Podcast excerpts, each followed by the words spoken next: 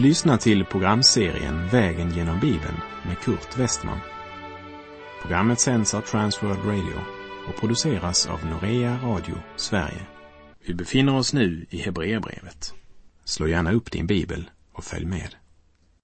Vi läser i Hebreerbrevets tionde kapitel, vers 30. Vi känner honom som har sagt, min är hämnden, jag skall utkräva den. Och vidare, Herren ska döma sitt folk. Kära vän som lyssnar, det kommer en domens dag, en dag då Gud ska döma all synd och orättfärdighet. Han är den som har skapat universet och han är den suveräne regenten över allt skapat. Och vi måste alla en gång träda fram inför Gud och avlägga räkenskap för våra liv.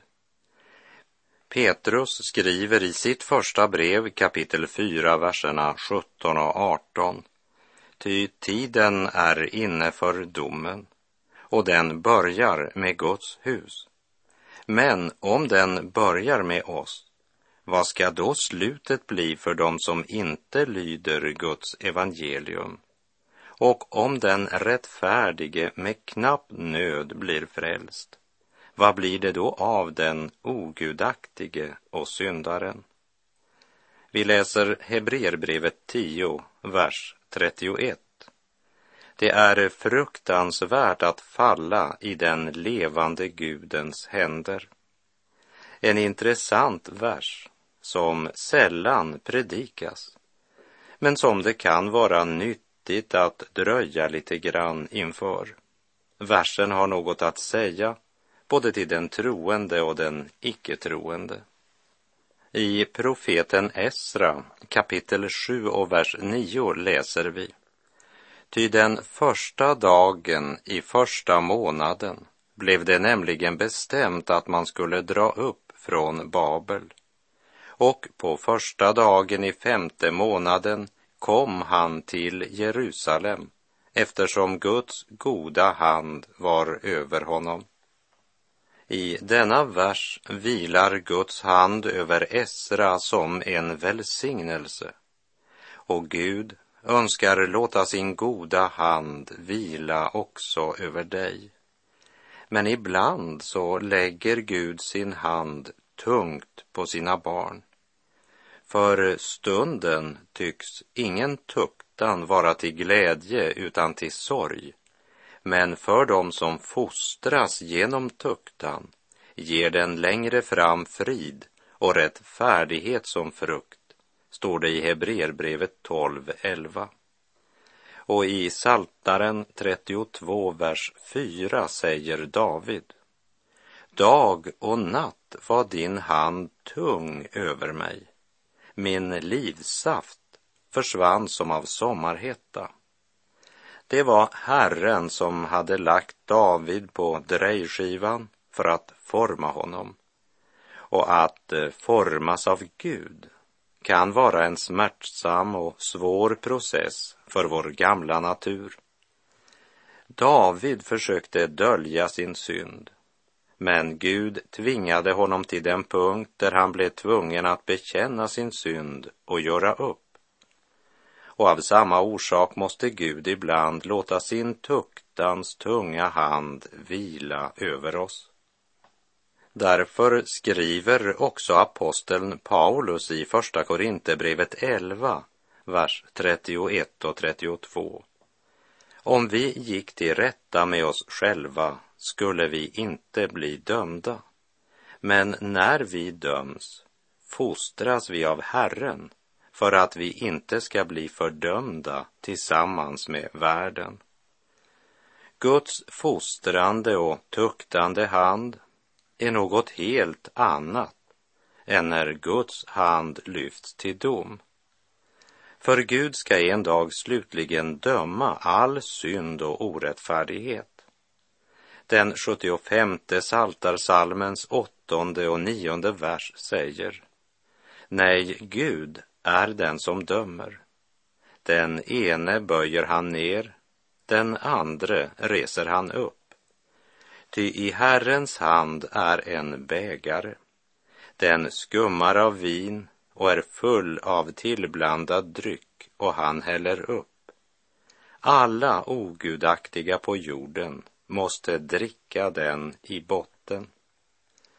Såväl salmisten som profeten talade om Guds dom som skulle komma då de ogudaktiga måste dricka vredens bägare. Och denna vredesbägare håller på att fyllas i vår tid.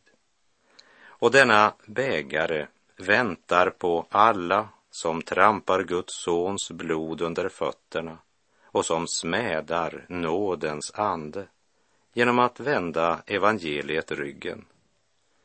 Och i ett ögonblick ska de erfara det är fruktansvärt att falla i den levande Gudens händer. Så följer en personlig påminnelse till alla dessa som mottagit ljuset i sina hjärtan. Frälsningens gåva hade skänkts dem fritt i kraft av Jesu fullbordade verk på Golgata. Men att ta emot denna frälsning det hade fått djupt gripande konsekvenser för dem. Frälsningen skänkes fritt, men att ta emot denna gåva får konsekvenser som verkligen kan kosta på för var och en. Hebreerbrevet 10, vers 32. Kom ihåg den första tiden då ljuset kom till er. Ni fick utstå en hård kamp och mycket lidande. Frälsningens rika gåva, livet i Gud, hade inte bara inneburit förlåtelse, glädje och frid med Gud. Det hade också inneburit hård kamp och mycket lidande. De blir påminda om att den levande trons symbol fortfarande är ett kors och inte en hängmatta som någon uttryckte det. Nu ber brevets författare att de ska komma ihåg hur det var den första tiden och komma ihåg att varken kamp eller lidande hade kunnat stoppa dem. Tvärtom. Och i allt detta gav de varandra sitt trofasta stöd.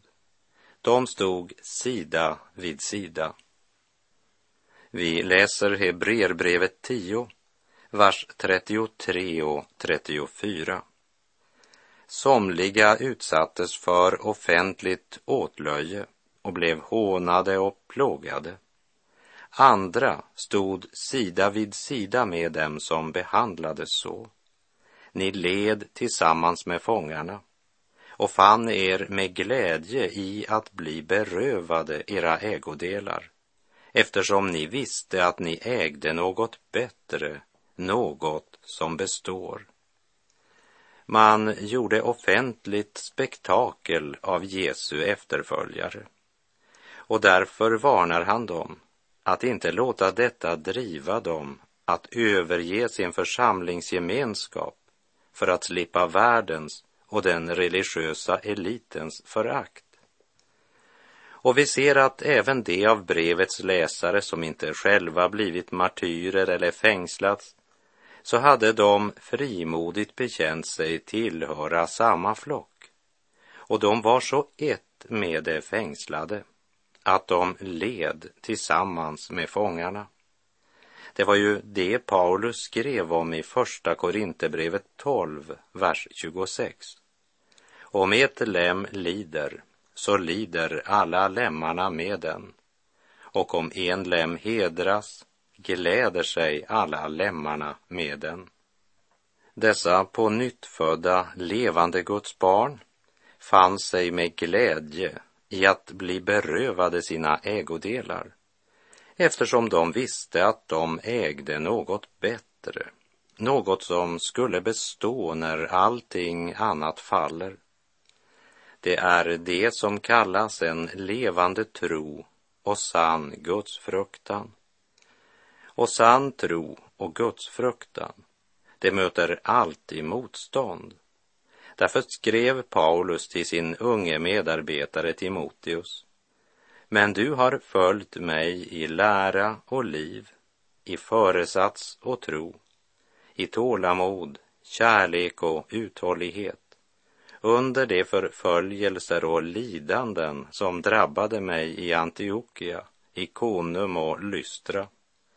Vilka förföljelser har jag inte fått utstå och ur alla har Herren räddat mig. Så kommer också alla som vill leva gudfruktigt i Kristus Jesus att förföljas. Men onda människor och bedragare ska göra framsteg till det sämre. De bedrar och blir själva bedragna. Till sina prövade, hånade och förföljda trossyskon skriver Hebreerbrevets författare. Ni visste att ni ägde något bättre, något som består.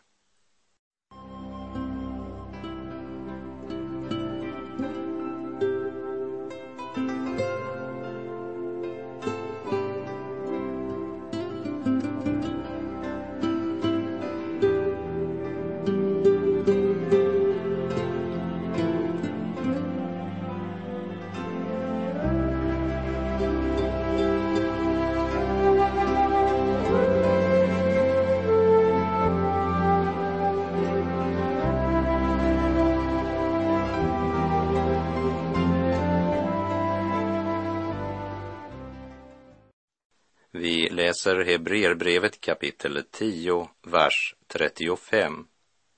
Kasta därför inte bort er frimodighet som ger stor lön. Kasta därför inte bort.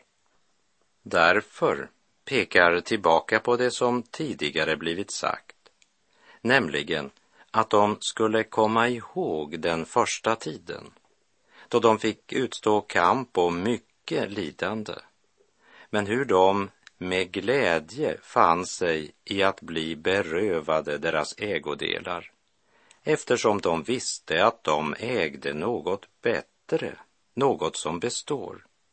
Kasta därför inte bort er frimodighet som ger stor lön. Och vi läser Hebreerbrevet 10, vers 36. Ni behöver uthållighet för att göra Guds vilja och få vad han har lovat. Uthållighet och tro är oskiljaktiga i skriften. Efter att tron fostrats och även vuxit under kamp och lidande ska de nu visa uthållighet i att göra Guds vilja. Tron är mer än ord. Han försöker inte bagatellisera svårigheterna utan säger rakt ut att de behöver uthållighet för att göra Guds vilja och få vad Gud har lovat. Hebreerbrevet 10, vers 37. Ty ännu en kort liten tid så kommer han som skall komma och han skall inte dröja. Guds återkomst följer den himmelska kalendern. I himlen är det aldrig kaos, bara planer. Herren kommer till den tid han har fastsatt. Han ska inte dröja. Och vi läser vidare, vers 38. Min rättfärdige ska leva av tro. Och vidare, men om han drar sig undan finner min själ ingen glädje i honom. Det citatet är hämtat från profeten Habakuks tredje kapitel, vers 3 och 4. Och det citeras också i Romarbrevet och Galaterbrevet. Alltså är det centrala och viktiga verser. I Romarbrevet ligger fokuseringen på att det är den rättfärdige som ska leva genom tro. Det vill säga att det talar om hur Gud rättfärdiggör syndaren.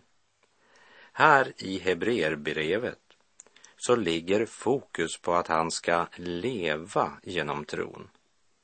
Hebreerbrevet har om och om igen talat om en levande Gud och stadfäster att vi har en uppstånden och levande förebedjare. Han är den samme som led korsets bittra död för att försona våra synder och som uppstått från graven och nu sitter på Faderns högra sida i härligheten. Och eftersom vi som tillhör honom har en levande och verksam Gud och en levande och verksam frälsare vid Faderns högra sida, så ska vi leva av tro. Herren säger, min rättfärdige ska leva av tro. Kampen, föraktet och lidandet varar bara en kort liten stund om vi mäter den med evighetens mått. Och Herren försöker genom Hebreerbrevets författare lyfta vår blick mot ett högre mål och mot ett annat tidsmått än det jordiska. Genom tron blir en syndare rättfärdiggjord inför Gud och genom tron ska den rättfärdige leva. Och i tro ska han steg för steg vandra genom livet. Att leva i tro betyder att hela tiden vara lika beroende av Kristus. Lika beroende som när vi böjde oss för Gud och tog emot syndernas förlåtelse i kraft av Lammets blod. Tron drar sig inte undan den ödmjuka ställning där man i allt är beroende av Gud och hans gränslösa nåd. Och den är beroende av den helige Andes gärning i våra liv.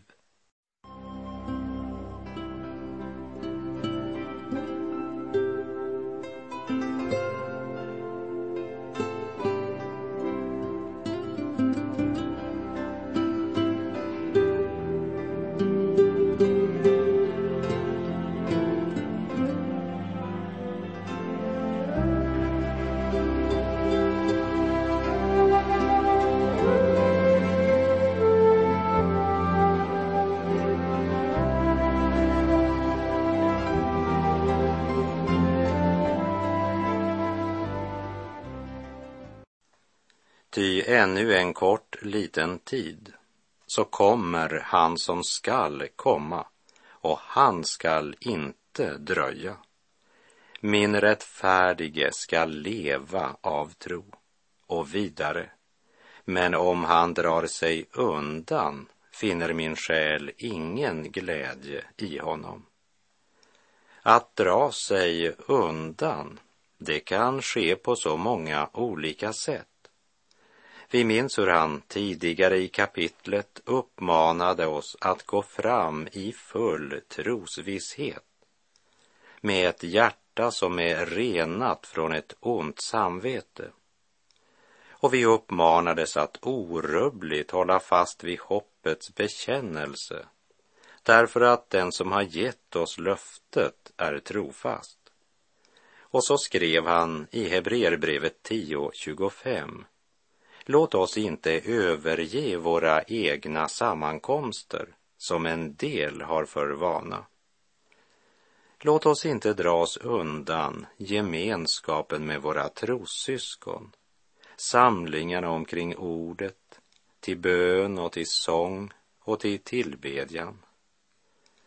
Låt oss inte dras undan den personliga stillheten, utan var dag avsätta tid till stillhet och bön.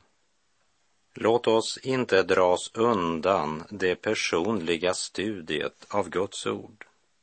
Låt oss inte av bekvämlighet dras undan våra förpliktelser i hem och i församling.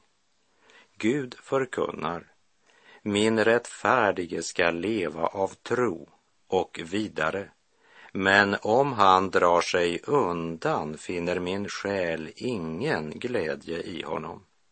Och så läser vi i Hebreerbrevet 10, 39. Men vi hör inte till dem som drar sig undan och går förlorade. Vi hör istället till dem som tror och vinner sina själar. Men vi hör inte till dem som drar sig undan. Det vill säga, vi drar oss inte undan det ljus som avslöjar vår synd. Vi drar oss inte undan Guds ord och Andens fostran i våra liv, utan vi vill istället leva och vandra inför Guds ansikte, lägga alla korten på bordet utan att ursäkta oss. Låt oss be om nåd att komma fram inför Gud med allt i vårt liv. Ja, lägga våra liv som en öppen bok inför Herren. För det är ju ändå inte något som är fördolt för honom. Låt oss inte dras undan och gå förlorade, utan istället tro och vinna våra själar. Låt oss ärligt träda fram för Gud med ärliga hjärtan. Det är väl här en av de hårdaste striderna står för en kristen. För det är så lätt att på nytt komma in i någon osanning. Både i relation till andra människor, till oss själva och inte minst i relation till Gud. Även här gäller det att förneka sig själv, ta upp sitt kors och så följa Jesus varje dag. För att försöka dölja något för Gud, det är värre än allt annat. Vi hör inte till dem som drar sig undan och går förlorade. Vi hör istället till dem som tror och vinner sina själar. Hebreerbrevets författare betraktar inte de han skriver till som sådana som dragit sig undan. Men han varnar för den faran eftersom den finns för varje Jesu lärjunge. Vad han säger är, reva inte seglen för då kommer ni bara att driva med vinden istället för att föras mot målet. Låt inte bekvämligheten segra. Dra er inte undan. Akta er så att ni eh, inte stirrar mera på omkostnaderna än vad ni ser på den lön som Gud själv har utlovat er. Tappa inte modet. Även om vår yttre människa bryts ner förnyas vår inre människa dag för dag. Ty vår nöd som varar ett ögonblick och väger lätt bereder åt oss på ett oändligt rikt sätt en härlighet som väger tungt och varar i evighet. Så rikt rikta inte blicken mot det synliga, utan mot det osynliga. Ty det synliga är förgängligt, men det osynliga är evigt. Dra dig inte undan Guds ord. Dra dig inte undan Andens vind. Dra dig heller inte undan den smärlek och det förakt som möter var och en som vill vandra på korsets väg. För att dra sig undan korsets väg, det är att välja den väg som leder till evig undergång. Men vi hör inte till dem som drar sig undan och går förlorade. Vi hör istället till dem som tror och vinner sina själar. Och med det så är vår tid ute för den här gången. Jag avslutar med att citera en sång ifrån Frälsningsarméns gamla sångbok, nummer 440. En väg bekväm man bjöd mig gå, ej korsets smala stig. Att blanda himlens guld med slagg, man sökte locka mig. Man sade kampen är för hård, din kraft är alltför svag. När svårigheter hopa sig, du lider nederlag. Man sade, du kan tjäna Gud helt stilla, utan strid. Din själ vid helga klockors ljud kan njuta himmelsk frid. Men stridstrumpeten kallat mig, till helig kamp den bjöd. Nej, svika fanan kan jag ej, det gäller liv och död. Vi hör inte till dem som drar sig undan och går förlorade. Vi hör istället till dem som tror och vinner sina själar. Och med det så får jag bara säga på återhörande om du vill och om Herren ger oss båda en ny dag. Så ska vi i nästa program se lite närmare på Hebreerbrevets elfte kapitel som också kallas för trons kapitel. Herren vare med dig. Må hans välsignelse vila över dig. Var med bland dem som tror och vinner sin själ. Gud är god. Och är det väl inte en underlig strid jag strider som kristen